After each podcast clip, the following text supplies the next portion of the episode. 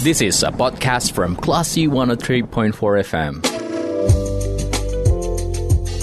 Sumbar melawan Corona, persembahan Classy FM.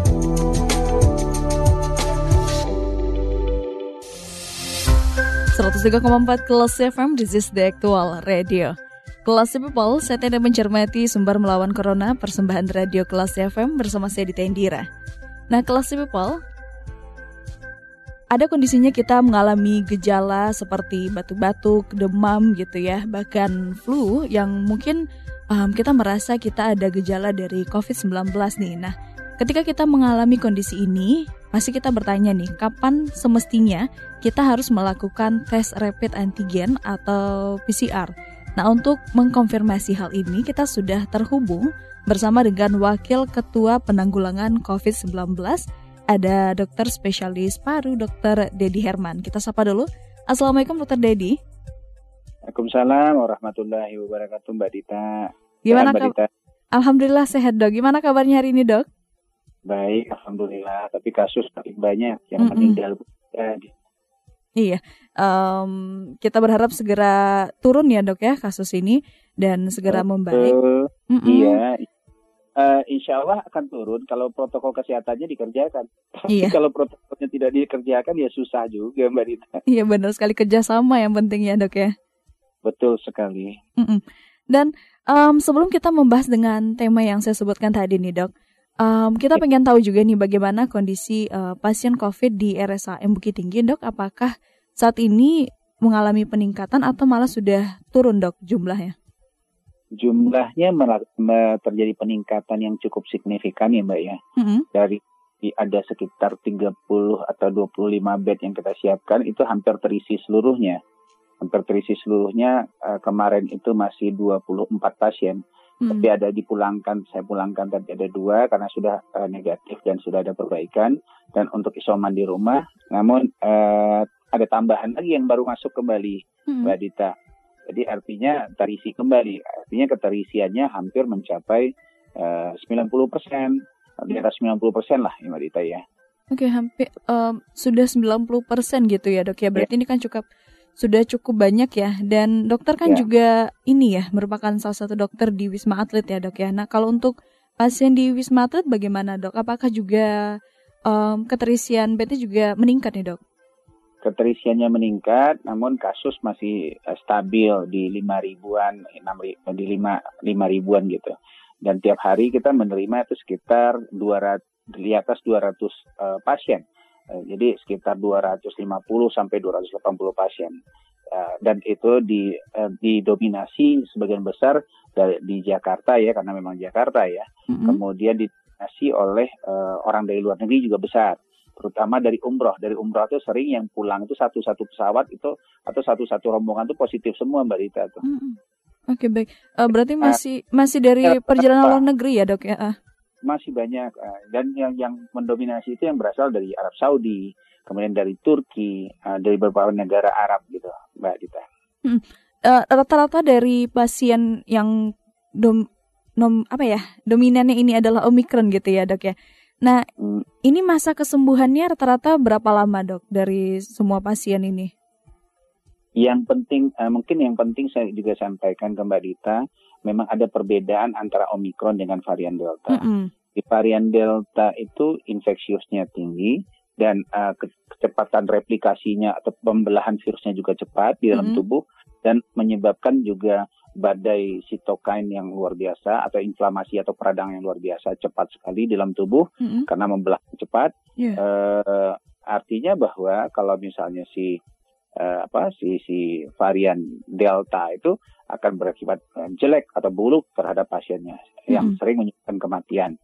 Uh, tapi terutama pada orang yang tua, orang komorbid, kemudian anak-anak, serta orang-orang yang imunitasnya rendah itu uh, si varian delta itu biasanya adalah afinitasnya kuat, tapi tidak sekuat uh, si omikron.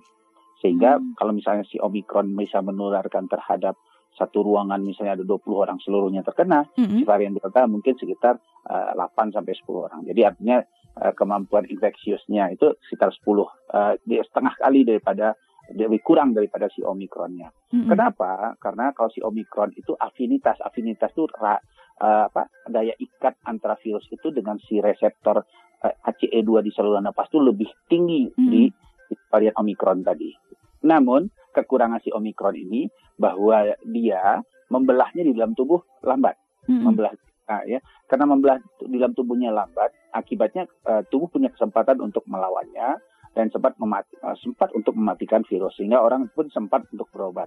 Berbeda dengan si varian Delta yang masuk kemudian langsung membelah dengan cepat seperti itu. Hmm. Ya, itu secara uh, apa? Secara ilmunya uh, uh, begitu Mbak Rita. Hmm. Kemudian karena dia membelah dengan cepat, tentu si varian Delta akan lebih infeksius daripada si uh, Omicron, Omicron lebih mematikan daripada si Omicron. Nah, seperti itu. Namun kita tidak boleh menyepelekan si Omicron karena banyak sekali oh gejalanya ringan seperti itu ya Mbak Dita ya. Gejalanya yeah. ringan, tidak apa-apa, aman-aman saja. Saya ingatkan bahwa karena jumlah yang terkena si Omicron itu jauh lebih banyak dibandingkan si Delta. Kenapa? Karena afinitasnya yang kuat terhadap reseptor ACE2 tadi, penyebarannya makin lebih hebat. Akibatnya yang terinfeksi juga akan lebih banyak kalau misalnya si varian Delta menginfeksi 10 juta orang, mm-hmm. kematiannya 400 ribu. Kalau si varian Omikron itu mengenai 20 juta atau 40 juta orang, kematiannya tentu lebih besar dibandingkan si varian Delta. Artinya apa?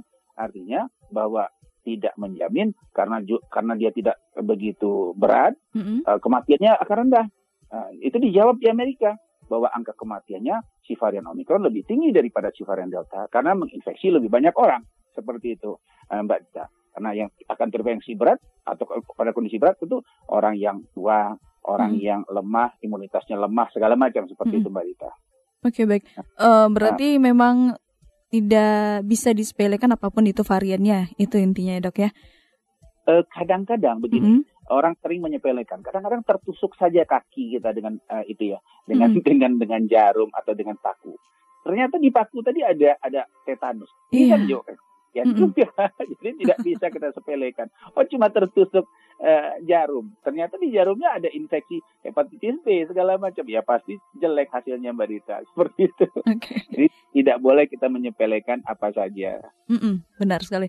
Dan uh, terkait dengan tema tadi ya dok ya, um, kapan yeah. memutuskan untuk tes rapid antigen dan PCR kita udah tahu nih perbedaannya Omikron dan Delta dan yeah. Omikron ini lebih gampang penularannya. Nah um, di luar kontak erat dengan yang positif gitu ya. Kapan kita memutuskan untuk melakukan tes rapid antigen um, ketika kita menyadari kita punya gejala gitu dok? Uh, yang pertama tentu kita harus tahu bahwa kalau misalnya kalau kita uh, kita batuk, pilek, ya, hmm. ya, kemudian nyeri tenggorokan, dan kita baru berkontak dengan orang yang punya uh, riwayat Eh, terkena COVID ya, mm-hmm. baru terkena COVID hasilnya juga positif, tentu harus kita melakukan secepatnya pemeriksaan. Mm-hmm. Ya, tentu kita melakukan pemeriksaan rapid antigen 1 sampai tiga hari waktu setelah kita berkontak untuk mengetahui apakah kita apakah kita terinfeksi atau tidak. Mm-hmm. Ya, uh, itu yang kita lakukan biasanya dalam lima hari kita kontak tuh sebaiknya kita lakukan apalagi kita kalau kita tahu bahwa orang itu memang betul-betul terinfeksi oleh uh, COVID seperti itu. Mm-hmm. Kapan kita melakukan PCR? Sebetulnya saat kita sudah tahu langsung uh, rapid antigen kita positif, kita harus melakukan PCR. Tujuannya melakukan PCR untuk mengetahui berapa uh, nanti berapa uh, itunya ya cycle thresholdnya, CT-nya untuk tahu bahwa apakah kita itu baru terinfeksi atau sudah terinfeksi lama. Kalau kita baru terinfeksi, mungkin orang banyak lagi orang yang di sekeliling kita yang juga uh, terinfeksi. Artinya kita bisa mengingatkan orang sekeliling kita untuk melakukan juga pemeriksaan. Kalau kita CT kita sudah tinggi lebih dari 33 hmm. atau di atas 32 yang saya pegang, itu menyatakan bahwa uh, yang dari PCR menyatakan bahwa kita itu sudah terinfeksi lama. Artinya kita sudah bisa menghitung, oh kemungkinan saya terkena infeksinya tujuh hari yang lalu atau 10 hari yang lalu dari orang lain. Tapi kadang tidak bergejala seperti itu, hmm. uh, Mbak Rita. Jadi kita bisa lakukan. Biasanya kalau kita terkontak, ada orang itu jelas dia batuk, pilek, dan kita lihat, oh itu ternyata orang itu terkena COVID, sebaiknya kita langsung cepat melakukan uh, itu rapid antigen, ya okay. di dalam dua atau tiga hari setelah kontak tadi. Dan mm-hmm. PCR apabila positif rapid antigennya kita lakukan PCR. Namun kalau ada yang mau, oh saya nggak mau rapid antigen langsung PCR saja juga tidak ada masalah, Mbak mm-hmm. Dita. okay. Karena PCR tentu lebih lebih lebih lebih baik dalam menentukan uh, apakah orang ini terinfeksi benar terinfeksi atau tidak. Karena memang tetap sebagai go go standarnya atau ataupun pilihan uh, apa pilihan pertama untuk diagnosis alat diagnostiknya adalah dengan PCR seperti itu Mbak Adita. Hmm, Oke, okay. tapi kalau misalnya kondisinya kita tidak tidak merasa ada kontak dengan yang positif nih dok bisa jadi karena mobilitas yang tinggi sering bertemu iya. dengan banyak orang dan lalu kita iya. sakit demam dengan gejala-gejala yang mirip dengan gejala omikron. Nah ini kapan kita memutuskan untuk uh, tes ini dok? Ya begini sebetulnya semakin cepat kita periksa tentu semakin baik. Artinya hmm. kita bisa menghindari kondisi yang tidak kita inginkan yeah. seperti itu mbak. Kalau misalnya kita harus tahu dulu gejala Omikron atau ini gejalanya punya si varian Delta atau si punyanya varian Omikron. Hmm. Sebetulnya saya menemukan di tempat praktek atau di rumah sakit sebagian itu menderita gejala varian Delta. Sebagian menderita gejala varian Omikron. Hmm. Artinya varian Delta sekarang juga tidak bisa dipungkiri masih ada ya Mbak Dita ya. Hmm. Seperti di Tangerang, varian Delta itu juga uh, banyak yang terkena di, di Tangerang. Varian Omikron juga banyak. Artinya apa? Bisa saja ada dua nih ya mm-hmm. varian yang mengenai satu orang bisa saja yeah. seperti itu. Kemudian uh, gejala apa varian delta dengan si varian omikron? Kalau tadi katakan gejalanya lebih ringan si omikron, gejala si omikron itu biasanya hampir sama seperti delta juga uh, nyeri tenggorokan, sakit kepala, uh, kemudian juga uh, uh, yang paling sering itu adalah nyeri otot. Kemudian sakit kepala hebat seperti itu Mbak Dita. Jadi terus terang si uh, varian Omikron ini dia terus terang uh, uh, gejalanya itu tidak sama seperti varian delta, hampir berbeda. Kalau si varian delta itu sering dengan anosmia atau hip, uh, hipoalgesia atau algesia, mm -hmm. uh, anos hilang penciuman atau hilang perasa lidah. Kalau si uh, si varian delta, kalau si varian omikron itu tidak ada ketemu sama saya. Nah, jadi lebih banyaknya gejalanya adalah sakit kepala, flu influenza ya, hmm. uh, dengan pinori atau hidung beringus, kemudian dengan uh, nyeri tenggorokan, kemudian badan sakit seperti itu itu dan keletihan luar biasa. Pada orang tua yang sering itu adalah kelelahan, keletihan luar biasa. Seperti itu Mbak Rita. Oke, berarti um, sudah jika sudah merasakan gejala tersebut untuk antisipasi ya tes saja gitu ya dok ya, untuk Sebaiknya lebih kita, lebih pasti gitu ya. Baiknya kita periksakan. Mm-hmm. Terus terang saya saya mengatakan untuk di Indonesia pemeriksaan kita PCR ini jauh lebih murah dibandingkan di Amerika. Mm-hmm. Ya, terus terang pemerintah sudah sudah sangat luar biasa e, membantu, membantu supaya kita bisa diperiksa PCR-nya dengan baik. Contohnya begini, waktu, waktu bulan Desember, uh, waktu uh, kakak saya ke Amerika, itu untuk periksa PCR-nya bayarnya satu setengah juta Mbak Ita. Bukan 275 ribu. Indonesia sudah 275 ribu. Artinya pemerintah luar biasa sudah membuat uh, biaya pembiayaan itu menjadi sangat murah untuk masyarakat. Seperti itu Mbak Dita. Itu tidak mungkin diturunkan lagi karena sudah biayanya sudah mepet gitu. Hmm. seperti itu.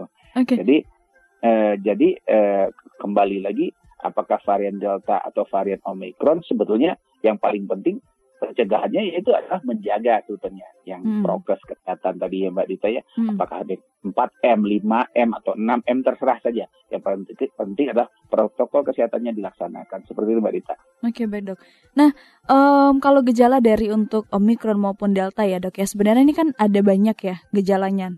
Kalau ya. misalnya orang tersebut tidak merasakan semua gejala, hanya sebagian, misal nih uh, dia tidak merasakan gatal di tenggorokannya atau batu-batu gitu ya, tapi dia seperti sakit-sakit kepala, terus juga muntah-muntah, kelelahan.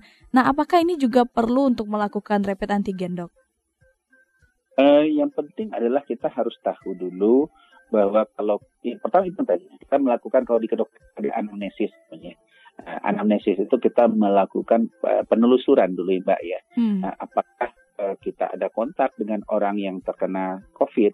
Apakah kita masuk ke tempat keramaian atau kita masuk ke tempat-tempat orang yang tidak pakai masker? Kan hmm. banyak sekali di pasar-pasar kita yeah. di iya. Sumatera eh, kalau di Jawa orang rata-rata semuanya pakai masker, hmm. sudah pakai masker tetap saja banyak yang terinfeksi. Hmm. Di di Sumatera Barat tuh banyak yang nggak pakai masker.